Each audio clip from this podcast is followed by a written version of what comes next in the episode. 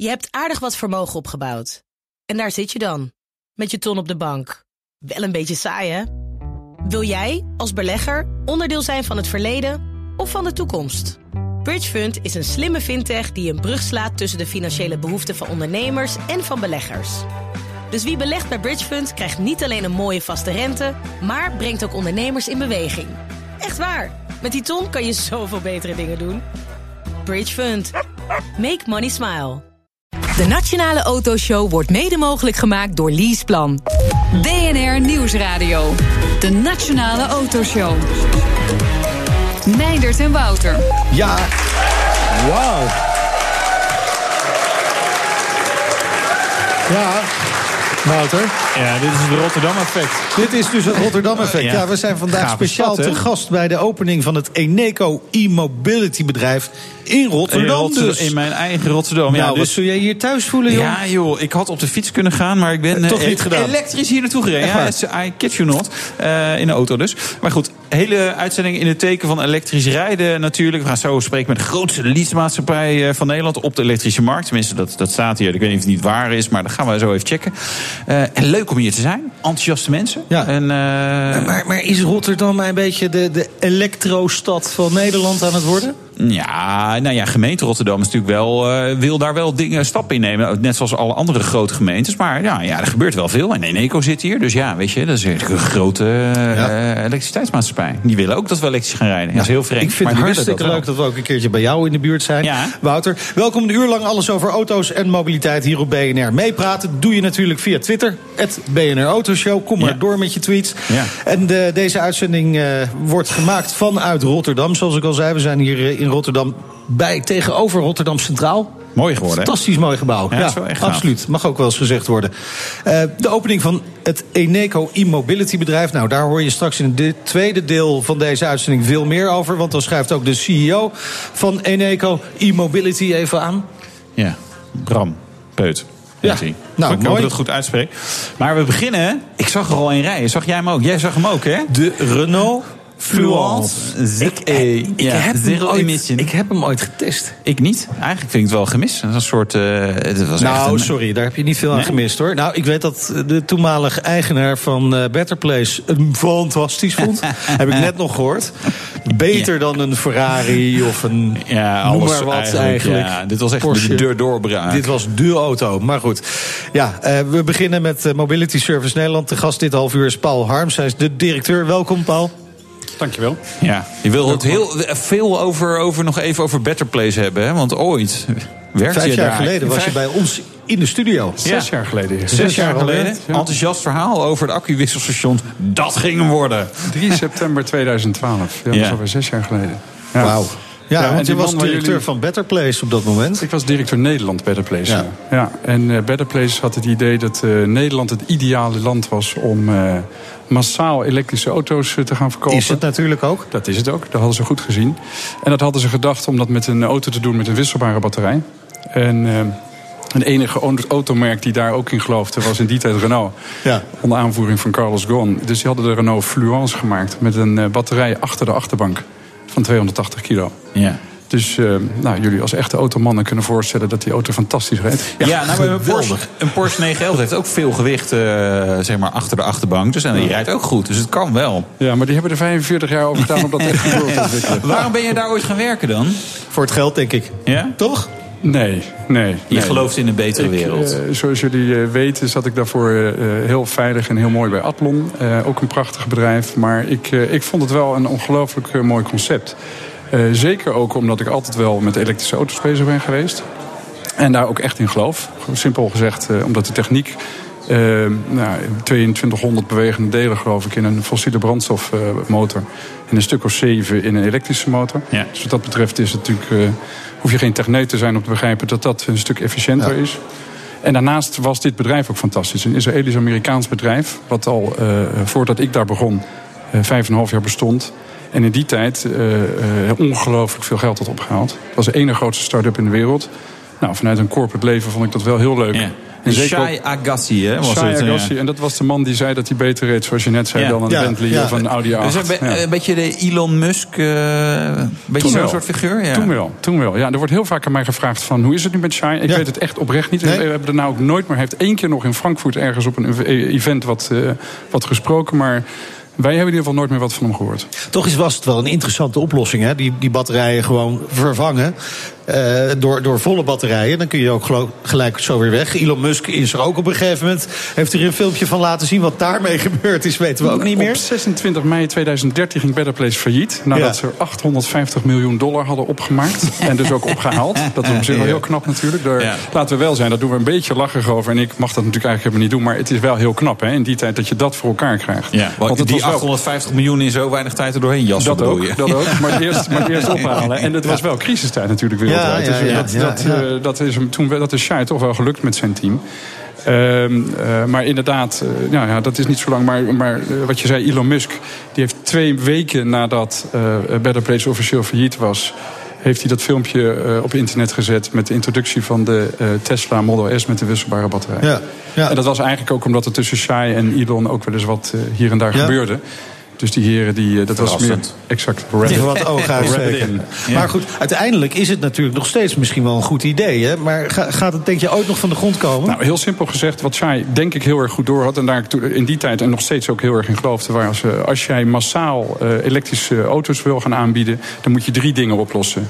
Dat is, dat is kosten, actieradius en het netwerk. Ja. En dat had hij natuurlijk goed door om dat met de wisselbare batterij te doen. Ja. Want een wisselbare batterij, het idee van Better Place was... zij bezitten de batterijen, dus je hoeft niet hè, een derde tot de helft... en zeker in die tijd nog de helft van de autoprijs was die batterij. Dat hoeft dan niet, want dat heeft, had Better Place in zijn bezit. Die verkocht elektrische kilometers. Actieradius is geen probleem, want als je bijna leeg bent... Nou, dan rij je langs zo'n battery, battery switch station. Je wisselt en je gaat drie minuten later weer door. Drie minuten was Drie dat? minuten later Ja. ga je weer door. Ja. Ja. En dan hadden we dus de eerste van de Nederland op Schiphol. Eh, dus het, kosten heb je opge- eh, het kostenaspect heb je opgelost. Het uh, actieradius-probleem heb je opgelost. Het netwerk ook, want je gaat die dingen laden op het moment dat er, dat er niet veel stroom door de infrastructuur loopt. Dus dat, het was wel heel goed bedacht. Briljant, maar En niet waarom, gelukt. waarom gaat het dan niet lukken? Dat is de laatste vraag over dit onderdeel. Nou, ik denk onder andere omdat het te vroeg was. Maar het is een, een, een, waaier aan redenen. Er is niet één reden voor. Oké. oké. Inmiddels ben je al vier jaar bij Mobility Service Nederland als directeur. Eh, waarom ben je daar gaan werken? Um, ik ben daar gaan werken omdat dat een bestaand autoleasebedrijf was in het noorden. We zitten in een uh, monumentaal pand tegenover Groningen Airport. Uh, fantastisch. Nou, goed gestut En- wel tegen de. Nou, dat, dat is... Uh, er waait hier ook wat om ik inmiddels. zeggen, ik hoop beter gestut dan dit hier, denk ik. Ehm, eh, nee, heel goed. Want we hebben 65 centimeter dikke muren. En daarom is het een provinciaal monument. Het was Ja. namelijk een oude bunker. Het is door de Duitsers gebouwd. Nee, het, eh, eh, het bedrijf bestond al. Het was een redelijk universeel autoleasebedrijf. Eh, maar ook wel in het DNA elektrische auto's. Omdat ze in 2009 de eerste importeur van elektrische auto's waren in Nederland. Welke was dat? De Think. Oh, die. De Think van Ford. Think, Ja, en dat Think hebben, City. dat hebben de oprichters heel goed gedaan. En die hebben dat redelijk rap hebben ze dat omgetuned naar Elmonet, dat bedrijf. En dat Ja. is later onderdeel van de, voor jullie ook bekend, eh, de Autobink Holding geworden. Ja. Ja. Rij- Rijden ze überhaupt nog rond, die eerste elektrische auto's? Nou, Die ik, Think? of ze rondrijden, weet ik niet. er zijn er nog een paar. Wij hebben er één en die hebben ja? op zolder staan. Ja. Oké. Ja, ja, we hebben er nog één gevonden. Als vergaderruimte of zoiets. Nou, in de vergaderruimte staat hij, ja. Oh, ja. Maar ook om, als, als, zeg maar, als legacy naar, eh, naar Ja. de tijden Ja. van toen. Ja.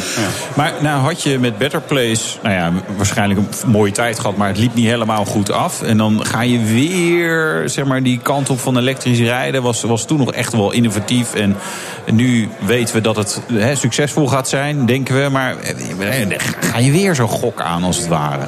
ja, maar dat is toch prachtig? Ja, Ik was- nou, ik ja, was- joh, ja, tuurlijk. Ja. Ja. Het is Weer alles op rood. De vorige Ja. was het ook zwart. maar ik, was, ik was 32 toen ik met eh vrouw en een kind van één jaar naar, naar Spanje ging... om een autoleasebedrijf op te zetten. En drie woorden Spaans sprak. En dat is ook eh, redelijk gegaan allemaal. Dus dat is toch geweldig. je zoekt doen. wel het avontuur op dus. Ja, dat vind ik heel erg leuk. Maar laten we wel zijn, Mobility Service Nederland als leasebedrijf bestond dus al 6,5 jaar. En dat Ja. draaide ook al heel goed. Dat was gewoon een goed draaiend bedrijf. Ja. En wat we daarin gedaan hebben, dat is nu afgelopen vier jaar eh, eh, meer dan verdubbeld. Dat draait heel goed. Er zit een prachtig team zit erop. en we hebben de laatste tijd zijn we heel erg overgegaan op elektrisch. Omdat we daar dus Ja. heel erg in geloven. Want hoe groot is Mobility Service Nederland op dit moment? Groot in de zin van aantal auto's. Of uh, Ja, misschien daar- manieren van groot uh, Ja. definiëren natuurlijk van een leasebedrijf. Nou, we zijn Vergeleken met andere leasemaatschappijen. Nou, de Nederlandse autoleasemaatschappij, of autoleasemarkt is natuurlijk wat apart. hè. Je hebt drie hele grote. En dan die ongeveer 62, 63 procent van de markt hebben. De top 10 heeft een kleine driekwart van de markt. En dan heb je daarna honderden autoleasebedrijven. Ja. Nou, wij zijn ondertussen een van de grotere universele die een privé-eigendom is. Het is ons eigen bedrijf. Ja. Oké. En, en elektrisch rijden is een heel belangrijk thema voor jullie. Dat is het. En dat hebben we afgelopen tijd een ongelooflijke draai gegeven. We- We zijn Mobility Service Electric begonnen, vorig jaar eind november. Ja. En, ehm, en ik zat eh, toevallig gisteren met onze marketingmanager Hilda daarover te spreken. Is dat wij, eh, nou, wat wij zien de afgelopen tijd. Is dat we tot 1 januari 2018 een aantal elektrische auto's eh, in de lease hebben gezet, zoals wij dat zeggen in onze markt. En van 1 eh, januari dit jaar tot 1 juli hebben we er meer eh, in de lease gezet dan, eh, de hele, dan alles voor 1 januari. En het afgelopen kwartaal, terwijl het eigenlijk nog loopt, hè, dat Ja. is, pas van, eh, Ja. dat is pas zondag afgelopen, weer meer dan het eerste half jaar. Dus eh, eh, we zien daar wat wij bij Better Place zo graag wilden, exponentiële groei, dat begint nu echt te lukken. Ja, maar dat heeft misschien ook wat te maken met de, de bijtellingsregels die weer gaan veranderen per 1 januari. Dat veel mensen hun leaseauto naar voren halen. Als het elektrisch is dan, hè? Dat heeft een groot gedeelte daarmee te maken, zonder Ja. meer. Het heeft ook mee te maken dat veel van de 0% auto's uitlopen. Die zijn Ja. vijf jaar oud, 2013 zijn die ingezet. De eerste Model S'en die gaan er nu uit. Ook Model S, maar ook eh, plug-in hybrides. Oh ja. Voornamelijk plug-in hybrides, Ja. want de eerste Model Ja, S ja, lopen eruit na vijf Ja. jaar. Maar dat zijn er natuurlijk in, in, in volume nog niet zoveel. Dus dat is het zeker. Het is zonder meer heb je gelijk dat het is vanwege de fiscale eh, veranderingen per 1 januari. De, de fameuze bijtellingscap van 50.000 euro. Boven 50.000 euro ga je gewoon 22% betalen. Exact. Ja. Eh, maar we zien tegelijkertijd ook dat de nieuwe, de nieuwkomers op de markt... die onder die 50.000 euro zitten, dat er ook ongelooflijk veel vraag naar is. En zometeen praten we verder met Paul Harms van Mobility Service Nederland. Dan gaan we het natuurlijk hebben over de leasemarkt. En hoe groot wordt die elektrische auto nou in die markt? En we doen uiteraard, en ik ben sceptisch hoor, eh, de petrolhead check. BNR Nieuwsradio. BNR, de Nationale Autoshow. En het is tijd voor... De Petrolhead Check. En die doen we natuurlijk ook met Paul Harms, directeur van Mobility Service Nederland. De grootste leasemaatschappij op elektrische auto's op dat gebied. Ben je er klaar voor, het vragenvuur? Ik ben er helemaal klaar voor. Wat was je eerste auto? Dat was geen elektrische. Al hebben we wel veel op elektriciteit gereden op de startmotor. Dat vonden we die tijd toen heel erg leuk. Maar het was een Simca 1000. Simca 1000, oké. Die deed het niet altijd, maar toen- Nee. daar heb ik geleerd dat je ook op een startmotor Ja, kan rijden. precies. Oh, interessant. Ja. Nu rij je natuurlijk wel heel vaak elektrisch. Dat gaat ook als een speer natuurlijk met een elektrische auto. Heb je ooit wel eens een hele hoge bekeuring gekregen? Ik heb ook wel eens, ja, helaas, eh, wel eens een hele hoge bekeuring gekregen. Ja. En dat was niet in Nederland. Ehm, ik heb vrij lang eh, met eh, vrouwen en kinderen in het buitenland gewoond. En ik was een keer op weg terug uit Barcelona. Want ja, ik ben ook een petrolhead, ondanks de elektriciteit. En ik, het leuke van het leasevak is, is dat je vaak auto's van importeurs krijgt. Dus ik was in een mooie auto op weg naar Nederland. En bij Boon, eh, eh, daar stond een... Louis de Funès, zeg maar, achter, achter een viaduct. Dus daar werd, ik, eh, daar werd ik van de weg gehaald. En ehm, toen bleek dus dat ik toch wel een stukje te hard had gereden. En eh, ik zat alleen in de auto. En eh, onder andere, los van de boete, die was veel overigens nog best wel mee. 185 euro, kon ik mijn rijwijs inleveren. Ja. En toen zei ik, maar hoe ga ik dan door? Toen zeg ik, nou meneer, dat is uw probleem. Succes ermee. Ja. Ja. Ja. Nou, daar, ik, ik zal niet jouw petrolhead kapen, maar ik heb ook zo'n ervaring Bon ja. Eh, we hebben nog een laatste vraag.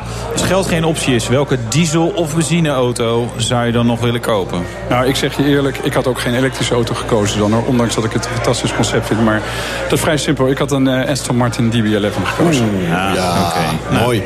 Ja, nou daarmee Ja. kom je toch wel uit op het eindoordeel. Uitmuntend. Uitmuntend, zo is het maar net. Dat was de Petrolhead Check met Paul Harms. Eh, Mobility Service Nederland is dus de grootste leasemaatschappij... als het gaat eh, om elektrische auto's. Op de zakelijke markt natuurlijk. Is dat eigenlijk een prestatie? Om de grootste te kunnen zijn in zo'n niche? Maart? Nou, laat ik vooropstellen, we streven dat te zijn. De cijfers zijn altijd wat moeilijk. Maar wat, wij, eh, wat wij zien is dat de laatste tijd de orders uh, uh, nou, letterlijk naar binnen vliegen. En dat is natuurlijk heel fijn. En inderdaad, het is ook fiscaal gedreven. Maar ik denk wel zeker dat het een prestatie is. Omdat wij als bedrijf van begin af aan ons daarachter gezet hebben. En daar heel erg in geloven. Um, uh, bij operational lease neemt het leasebedrijf, in dit geval dus Mobility Service uh, Electric, ja. neemt het restwaarderisico.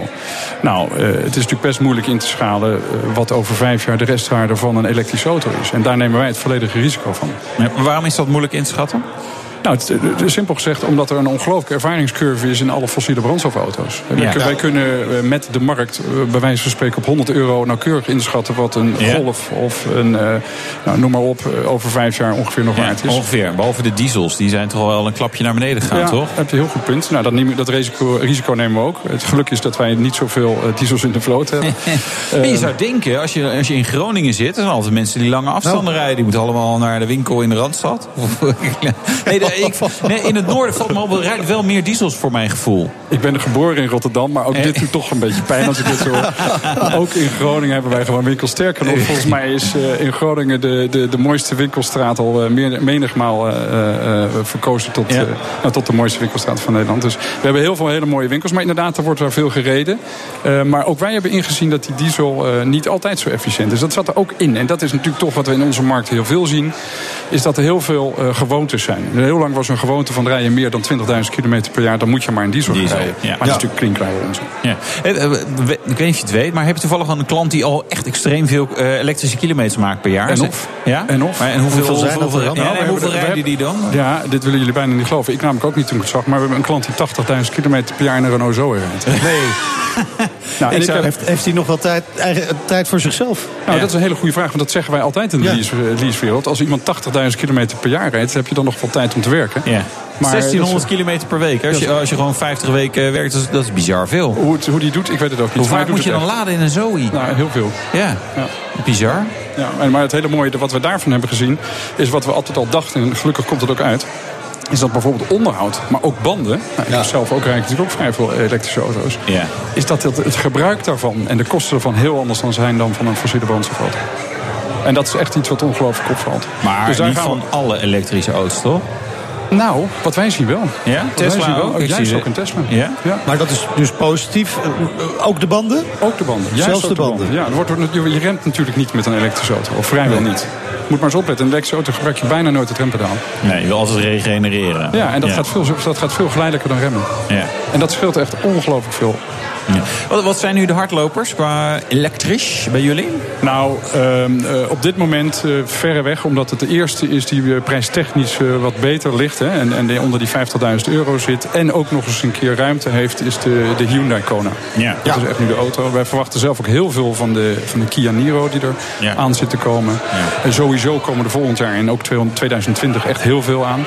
Maar dat zijn op dit moment, een, en, en omdat de Hyundai al besteld kan worden... eh, en hij wordt ook al mondjesmaat uitgeleverd... is dat echt op dit moment het succes. Nou, in tweedehalf uur hebben we ook een rijimpressie met eh, de. Hyundai Kona Electric. Ja. Dus eh, blijf vooral luisteren. Maar hoe, hoeveel auto's zetten jullie nu per jaar, elektrische auto's per jaar weg?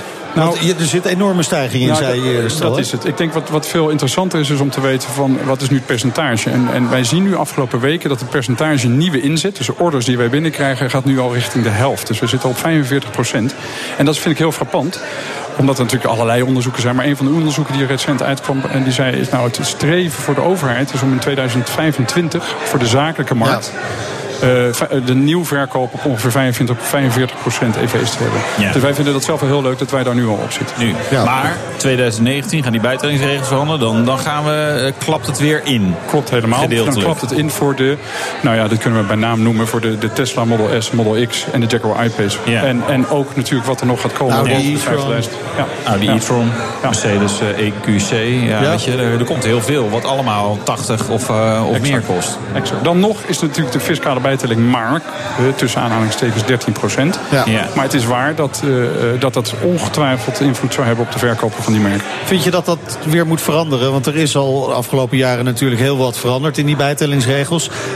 Is dit nog een missend stukje dat eigenlijk nog even aangepast moet worden? Nou, ik heb afgelopen jaren wel geleerd dat het heel moeilijk is en, uh, om, uh, om, om daar nou, sowieso uitspraken over te doen, omdat het alle kanten op gaat. Ik ben in ieder geval blij dat we een overheid hebben die nu, als ze iets uh, instellen, het voor vijf jaar vasthouden. Dat is in ieder geval een hele mooie constante. Um, ik kan me overigens best wel voorstellen, zonder nou een politieke uitspraak te doen, maar ik kan me best wel ik voorstellen. Ik vind het altijd wel leuk hoor, politieke Ja, die ga ik nu ook doen dan. Ja. Um, is dat je boven de 50.000 euro of boven een bedrag, of dat nou 50 is of 60, of nou noem maar op, zegt vandaag gaan we die bijtelling toch wel weer wat opschroeven. Dat vind ik helemaal niet raar. En ik denk ook dat de mensen die die auto's willen gaan rijden dat ook niet raar vinden. Want uiteindelijk laten we wel zijn, als je een markt om wil turnen, dan moet je mensen hebben die daarin, die daarin willen stappen. En die kan je dan ja, financieel kan je die early adopters. Ja, die kan je financieel prikkelen. Maar als het echt massaal gaat worden, dan heb je dat natuurlijk ook helemaal niet meer nodig. Nee. En dat is natuurlijk wel mooi met die auto's onder de 50.000. En daar komen er nu genoeg ja. aan. En dat gaat ook het volume worden. Want aan de andere kant, je, ziet, je zegt zelf, hè, komend jaar gaat het weer inzakken. Vanwege die bijtellingsregels.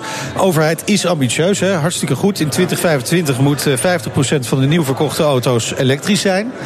Gaan ze dat halen met dit soort maatregelen? Nou, als ze constant blijven, denk ik wel. En ook als er meer aanbod komt. En als het aanbod beter wordt. Ja. Uh, vrij recent uh, heeft Volkswagen bijvoorbeeld aangekondigd dat ze met EV's gaan komen. En dan willen ze eigenlijk de nieuwe Beetle willen ze, dat, willen ze daarmee gaan evenaren. Nou, dat vind ik nog wel een uitspraak. Maar dat ja. moet een, een, elektrische auto gaan worden tussen de 20 en de 25.000 euro. En dat is natuurlijk wel mooi. Als je een overheid hebt die dat inziet, dat je een tijdje nodig hebt om tot dat punt te komen. Ben je eenmaal op dat punt, dan kan dus de, de, de markt het zelf ook verder gaan bepalen. Dus ik denk dat we in Nederland wat dat betreft best een mooi beleid hebben. Ja. Nog. Nog. Maar je nou ja, weet niet waar het heen gaat nee. natuurlijk. Nee, we weten niet waar het heen gaat. Maar nogmaals, die 4% blijft tot 1 januari 2021. Dus ja, we hebben dus nog, nog twee jaar. En dan, in die tijd zijn er genoeg. En dan gaan en, mensen ook aan wennen. En, en dit, gaat, dit gaat natuurlijk wel vooral over de zakelijke markt. Uh, privé wordt er eigenlijk bijna niks verkocht elektrisch.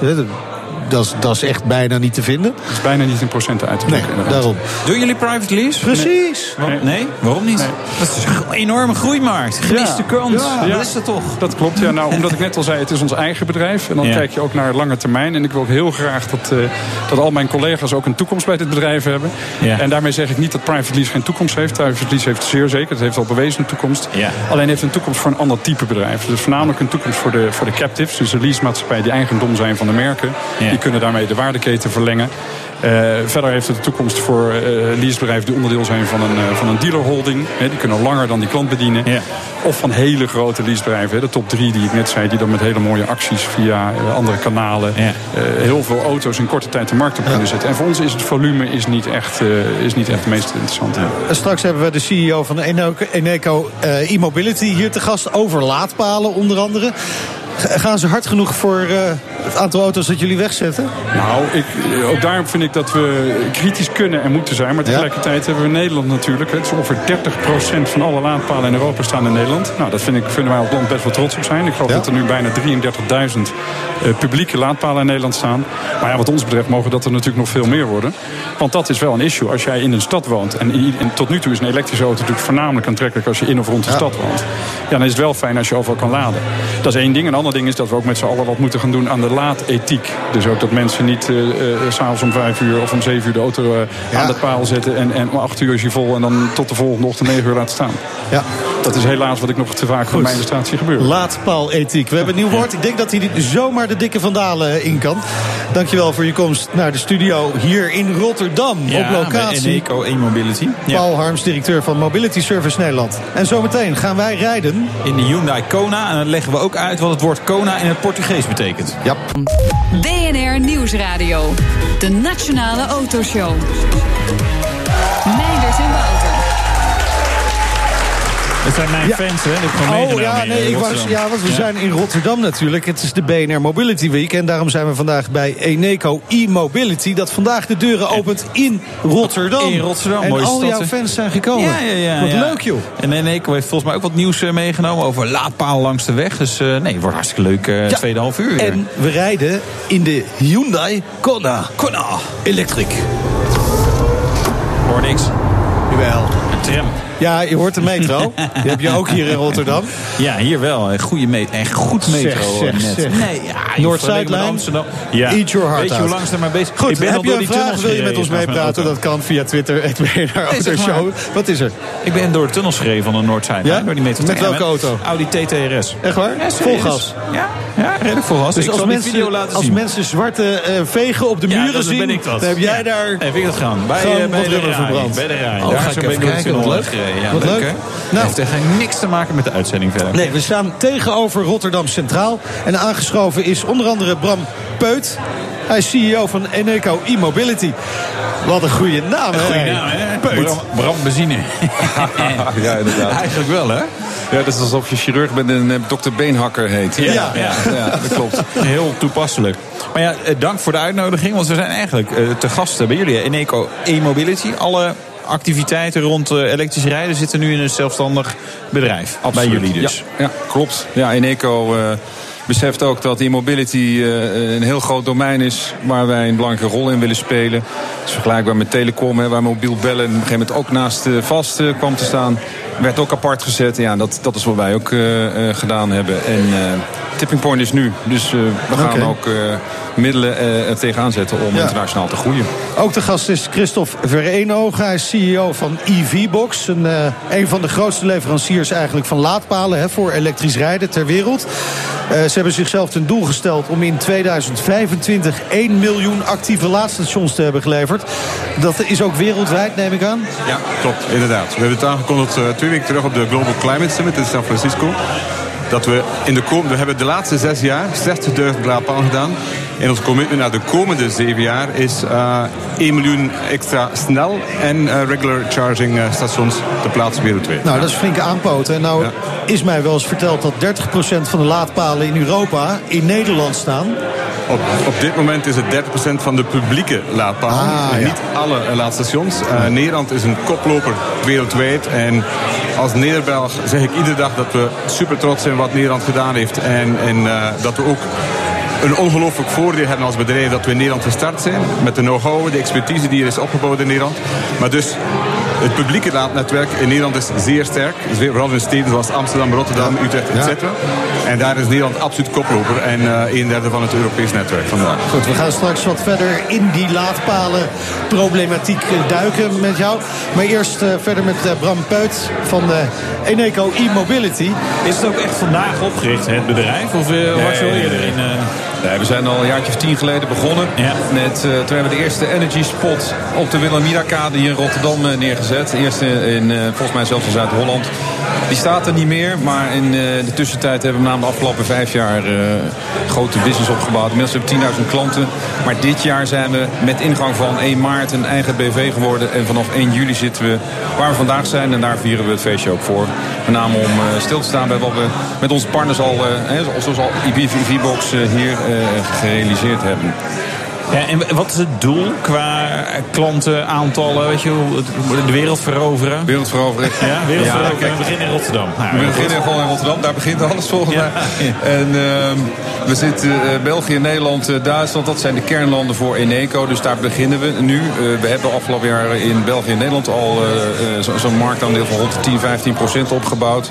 Eh, ja, en daar gaan we, gaan we natuurlijk stug mee door. Eh, we focussen in die zin alleen op eh, huizen, gebouwen en de, de, de EV-rijders, de EV-vloten zelf. Daar gebeurt het ons inziens.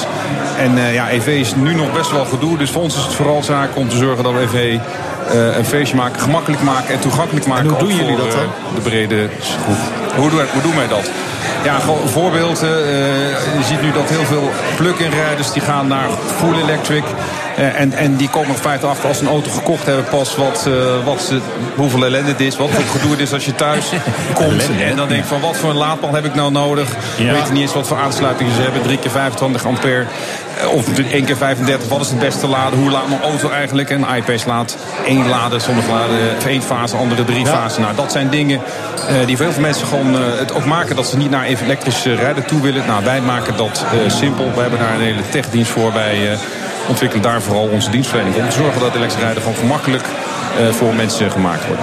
En daarom is het ook belangrijk dat jullie met partners werken zoals EV-box, maar ook eh, eh, andere partijen. Ja, absoluut. Ehm, Zoals Mobility Service Nederland bijvoorbeeld, die we het vorige half uur hadden. Ja, we zien dat heel veel elektrische auto's vooral via leasemaatschappijen de markt in, in komen. Daar zijn we ook mee begonnen. Met Alphabet is ook een hele belangrijke Ja. partner van ons, net zoals Mobility Service. En maar ook Athlon in, in België. En eh, ook zij ja, willen heel graag die elektrische auto's verkopen, maar zien dat de dienstverlening eromheen voor hun nog wel een eh, uitdaging is. Nou, daar richten we ons op om dat helemaal uit handen te nemen. Op jullie website staat ook, er rijden over 10 jaar 1 miljoen elektrische auto's rond in Nederland. Ga- gaat dat hard genoeg? Ehm, het gaat niet hard genoeg. Eh, met name de laatste twee jaar natuurlijk wel ook in Nederland gezien dat het wat minder gaat. Dat is ook een reden om in andere landen eh, onze dienstverlening op te bouwen. Omdat best wel regelgeving gedreven is. Ja, de belangrijkste bottleneck is gewoon de auto. Dus de auto's die er aan gaan komen bepalen ook wel hoe snel het gaat. En nou, we zien wel dat met name het afgelopen jaar natuurlijk heel veel OEM's wakker zijn geworden. En eh, heel veel budgetten daarop eh, richten. Nou, de laatste maanden en zie je ook bij Volkswagen, BMW gaan natuurlijk enorm veel modellen de markt bekomen. Alleen ja, dit kost gewoon jaren voordat je dat even, even eh, eh, op de markt hebt gezet. Dus mijn verwachting is ook dat, dat het echt pas vanaf 2021 eh, echt groot gaat worden. Grote aantallen eraan gaan komen. Maar ja, daar wil je wel klaar voor zijn. Vandaar dat we nu al eh, investeren. En dan wil je natuurlijk ook weten waar al die mensen gaan laden. Want ja, dat is voor jullie belangrijk. Ja. The great. Absoluut. Waar, waar gaan mensen die al die elektriciteit vandaan halen? Hebben jullie onderzoek naar gedaan? Ja. Onder eh, 8000 klanten met zo'n laadpas van Eneco e-mobility... blijkt dat 70% van alle oplaadsessies eigenlijk gewoon plaatsvindt op de plaats van bestemming. Dus thuis of op kantoor. Ja, het is zelfs iets meer. Zelfs meer nog. Zelfs iets meer. Dus we hebben eh, onder een populatie van onze klanten, 8000 pasinhouders, eh, eh, op, op is een gedeelte van het totaal. En gekeken naar de plug-ins, maar ook de full electric rijders. En zelfs de full electric rijders gaan maar 5% van de, trans, eh, de, de, de laadbeurten die ze doen eh, eh, op langs snelwegstations. En 80% vindt thuis plaats en op het werk. Ja, op zich verbaast ons dat ook weer niet zo. Hè? Want ik rij wel eens langs zo'n oplaadstation. Ja. En er zijn er vele in het land waar nooit iemand staat. Ja. Een enkeling is wel eens vol. Ja. Maar mensen doen het dus heel weinig eigenlijk. Doen er nu nog heel weinig. Nog? Heeft, daar, heeft daar ook mee te maken dat, er natuurlijk, hè, dat je met een plug-in niet kan laden bij een snelwegstation. Hè. Dat is natuurlijk ook Helpt zo. inderdaad niet. Ehm, eh, dus ik, daar gaat zeker eh, ook belangrijk zijn dat het er is. Hè. Ook onze, onze klanten moeten gewoon daar kunnen laden als ze in nood zijn. Maar je ziet wel dat het gedrag van elektrisch dat, eh, rijden echt anders is. is. Is dat rendabel als het alleen bij nood is? Wordt Nou ja, dat is een vraag, rendabel, dat is een vraag die je bij Fastnet en bij heel veel oliemaatschappijen eh, zou verwachten. Hè, dat ze Ja. die zich stellen. Eh, wij focussen echt op huis en gebouw. Ook omdat dat domeinen zijn waar wij veel verstand van hebben. Eh, en, eh, eh, en, en het daar ook gaat gebeuren. En dat zien we ook in onze eh, cijfers. Maar dan zou die paal langs de weg al bijna overbodig worden. Als dat toch en mensen... Ik zie die meneer van de EW-box dus schudt hard van nee. Ik, ik, ben het, ik ben het volledig met eens wat eh, Bram zegt. Maar het is ook zo, heel weinig wagens konden tot nu toe eh, DC laden. En dus alle nieuwe modellen die op de markt komen vanaf volgend jaar, die kunnen het wel. En als je langere afstand eh, rijdt en je moet naar Duitsland of eh, je gaat op skivakantie, whatever, dan wil je wel onderweg snel Ja. kunnen laden. Ja. En dus dan is het wel nodig. Dus Ja, ja, maar no- is er wel, nodig maar het is- is inderdaad 5 tot 10 procent van de markt en niet meer. Ja. Nodig is natuurlijk iets anders dan rendabel. Een tankstation is interessant, want daar moet je altijd naartoe. Je, je hebt eigenlijk geen keuze. Je kunt het tegenwoordig niet meer bij de apotheek halen, je, je litertje benzine. Eh, dat, dat kon vroeger lang geleden. Maar voor elektriciteit hoef je natuurlijk niet naar zo'n paal. Ja, tenzij je inderdaad echt lange afstanden gaat rijden. Maar is, is dat rendabel te maken dan? Wat je ziet is dat er corridors eh, gemaakt worden. Is dat eh, door Europa, om, om juist die lange trajecten waar mensen een langere afstand afleggen, dat daar behoefte is om snel te kunnen laden. En dan krijg je op een bepaald moment wel voldoende volume die dus het, het wel rendabel maken. Oké. En, en de, de, de rentabiliteit zit er niet alleen maar puur in het laden, maar ook alles er rond. Eh, de, de, food and breakfast, eh, alles er rond, eh, is ook wel van belang. Wat we, wat we ook zien, hè, dus dat de meeste mensen elektrisch rijden best wel spannend vinden. Omdat heel veel dingen gewoon niet opgelost zijn. En dat Nee. kost natuurlijk best wel een paar jaar. Maar we zien op het moment dat dat gebeurt, op het moment dat je duidelijk maakt... Hey, je hebt een kunnen laadpunt thuis hebben en dat helpt je ook op je werk. Geeft ze al heel veel, hè, die range anxiety neemt die weg. Dan zie je dus dat mensen al twintig keer zoveel bereid zijn om een elektrische auto te nemen... dan als ze dat niet willen weten. Maar gaat dit in de toekomst ook echt voor iedereen gelden? Want het lijkt me zo lastig om bij elk huis voor elk huis zo'n laadpaal te hebben. zeker hier in Rotterdam met veel hoogbouw. Dat, Ja. wordt natuurlijk, dat, dat gaat helemaal niet lukken, het lijkt me. Nee, nee, dat hoeft ook helemaal niet. Dus de, de, zeg maar de, de, de actieradius gaat ook gewoon toenemen. Dat, bij heel veel auto's betekent dat ook dat je niet meer per se thuis hoeft te, te laden. Nou, wij weten dat in Nederland 30% van de huizen überhaupt maar een laadpunt kunnen hebben. Dus dat betekent inderdaad dat je andere oplossingen moet gaan realiseren. Nou, vooral in, in gebouwen, daar gaat uh, de meeste laden plaatsvinden. Je ziet hier in Rotterdam ook dat zelfs publiekelijk heel veel laadpunten eigenlijk liever in de garage gezet worden. De gemeente Rotterdam neemt daar echt, vind ik, een hele belangrijke stap in om dat te realiseren. Ja, en dan ga je wel zien dat vooral in gebouwen, bestemmingen, daar gaat het laden plaatsvinden. En ja, daar komen er echt genoeg. Dus daar heb ik... Uh, voor ons geen zorgen over te maken. Over het aantal laadpalen. Nee, ik niet. Nee. Zometeen praten we verder onder andere ook met Christophe Vereenogen... de CEO van EV-Box. Die wil namelijk de wereld veroveren met zijn laadpalen. En die is wel aardig mee bezig volgens mij. Ja, dat denk ik zo. Ja. ja. En uh, jij reed in de Hyundai Kona. Ja, ik heb ook geladen. Heb je ook geladen? Wat goed van jou. Ik weet niet met wat voor paal. Geen idee. BNR Nieuwsradio. De Nationale Autoshow. Ja, we zijn in Rotterdam, Wouter. Jouw ja. thuishaven, fantastisch. Ja, wij een fanclub. Hè? Ja, echt waar. en het, het, leuke is, ze applaudisseren zo hard... omdat ze weten wat er gaat komen. Ja, we gaan rijden. De rijimpressie. Ja, Meijnerd, de lucky boy, die genoot van het geluid... of misschien wel het gebrek aan geluid van die Hyundai Kona.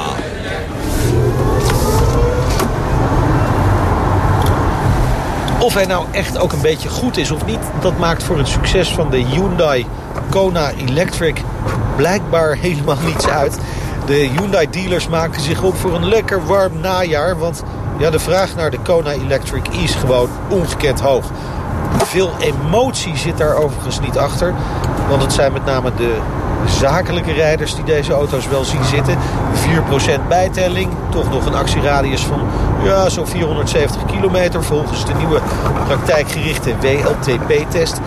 En dat voor een vanafprijs van 39.000 euro. Je zit dus ook nog onder de Tesla-tax.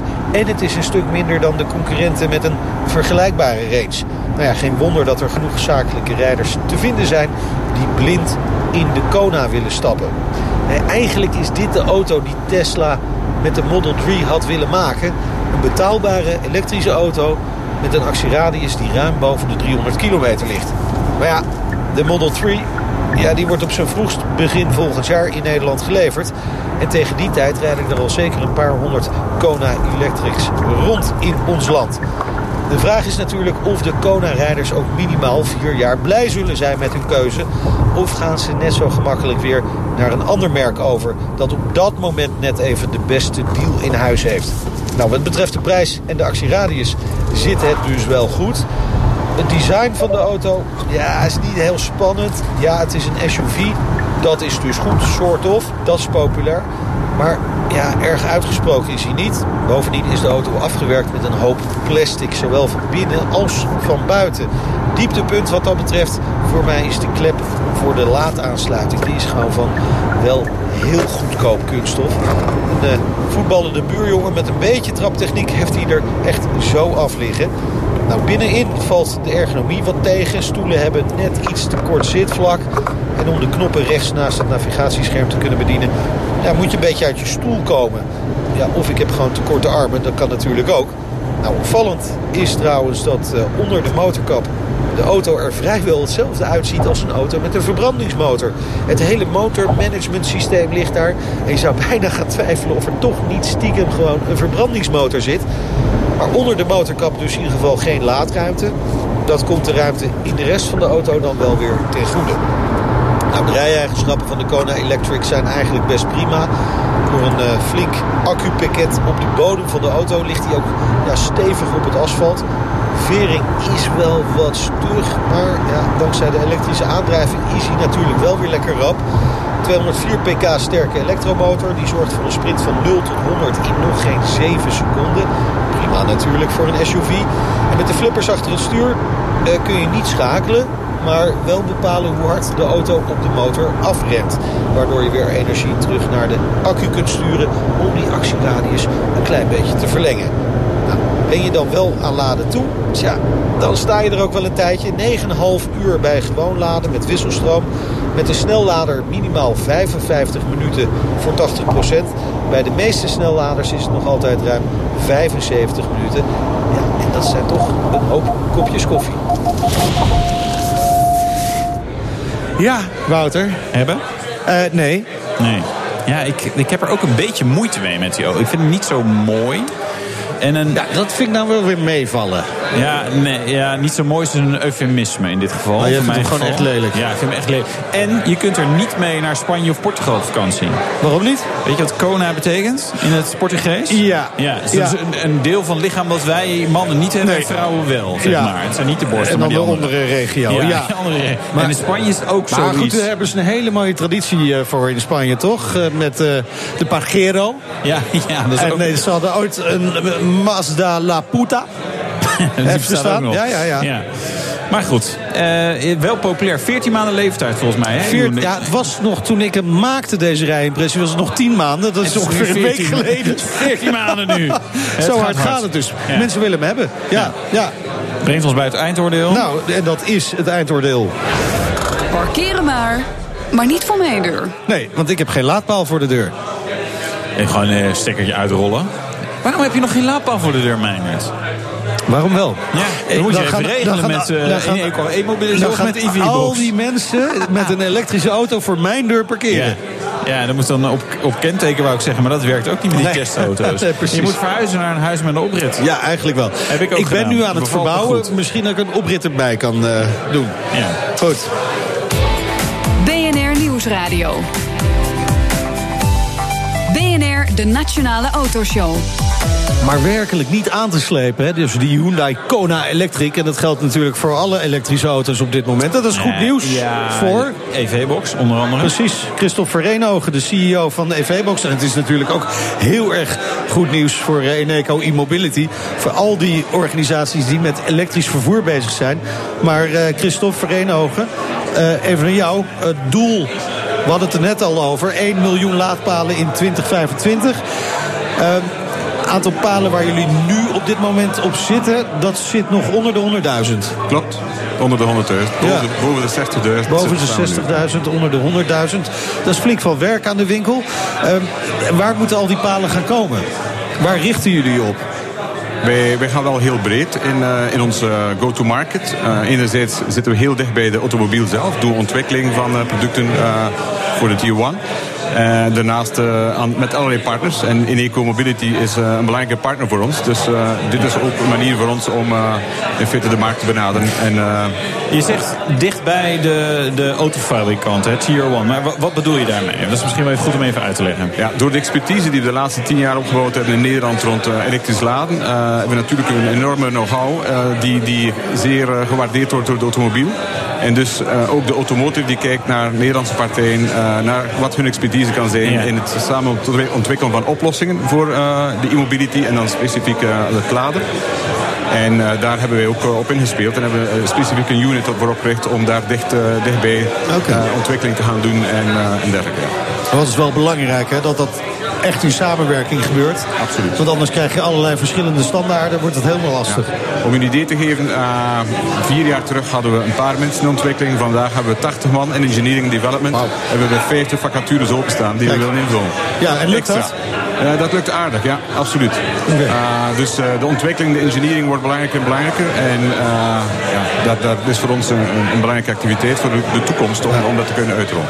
Hey, jullie zitten ook in het uh, buitenland. Waar zitten jullie allemaal? Zijn Wij actief? zitten quasi over Hans Europa met een eigen uh, netwerk van uh, kantoren en mensen. Dus in alle belangrijke West-Europese landen en als ook in de, de US. Uh, hebben we een hoofdkantoor in, in New York en uh, Ja. office in San Francisco en LA voor de Californische markt, die 50% is van de Amerikaanse Ja. markt. Wij produceren in Nederland, uh, Bordeaux en voor Europa en uh, ook in, uh, in de US. Voor Ja. de lokale Amerikaanse Oké, dus markt. je hebt straks geen last eh, van de importheffingen Nee, van eh, eh, meneer Trump? Wel, wel een beetje, maar Ja? het valt best mee. Eh, op, in het sourcing van componenten krijg je wel eh, bepaalde zaken, maar anders valt het best mee. Je moet, Ik je mis moet lokaal wel produceren. een grote markt. China. Maar uh, EV-box China, of is daar nog een kans? Moet ik, moeten we solliciteren? is, uh, is uh, terechte opmerking, want de Chinese markt is vandaag 43% van de wereldmarkt. Wordt over een paar jaar meer dan 50%. Dus absoluut superbelangrijk. Um, maar natuurlijk ook een zeer grote uh, en afgesloten lokale markt met heel veel spelers. Ja. En uh, tot op heden hebben we nog geen finale go-to-market strategie voor China bepaald. Maar we kijken wel uit wat eventueel uh, opportuniteiten kunnen zijn op, op niche niveau. Dat is een heel mooi antwoord. Dus voorlopig uh, kijken jullie de kat nog uit de boom. Zo zou ik hem dan vertellen. Maar in Amerika dus wel. Ja, ik kan me voorstellen dat jullie daar ook gewoon concurrentie hebben. Met name in Silicon Valley bijvoorbeeld. We hebben een, een, een belangrijke Amerikaanse concurrent die gekend is uh, uit Silicon Valley. En ook een paar andere Amerikaanse spelers. Ja. Maar opnieuw, ik denk, uh, wij zijn een, uh, een snel groeiende, challenging, uh, sterke partij in de Amerikaanse markt. We zijn er ook al jaren actief. Dus het is een, best wel een inspanning en ook een, een dure inspanning om de Amerikaanse markt te veroveren. Maar ik denk dat onze uh, kennis, ervaring vanuit, vanuit Europa en zeker vanuit Nederland enorm gewaardeerd wordt door de Amerikaanse partijen. Dit is absoluut een pluspunt. Dus voor het slimladen uh, doen we hier al lang, sinds 2010, 2011, in, onder andere hier in Rotterdam. Uh, wat nu pas een, op, op, op het bordje komt in, in de States. Dus ja. we hebben daar een voorsprong. Oké, okay, we hebben een voorsprong ja. op de States. Nou, mag ja. ook wel eens gezegd worden.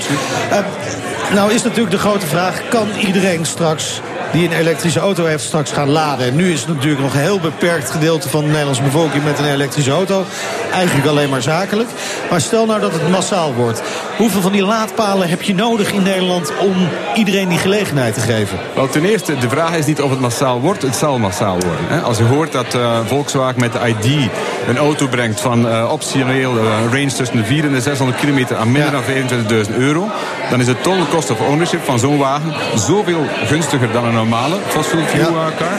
Dan is het geen vraag meer. Ook, ook, Iedereen gaat als, om. ook als straks die waterstofauto er ja, goed die, is? Die waterstofauto, daar zijn we nog lang vanaf. Uh, en dat heeft uh, heel veel beperkingen, ook nadelen. heeft absoluut zijn toepassing in een bepaalde do domein, maar eerder in een beperkt okay. domein. En de automotive heeft gekozen voor elektrisch.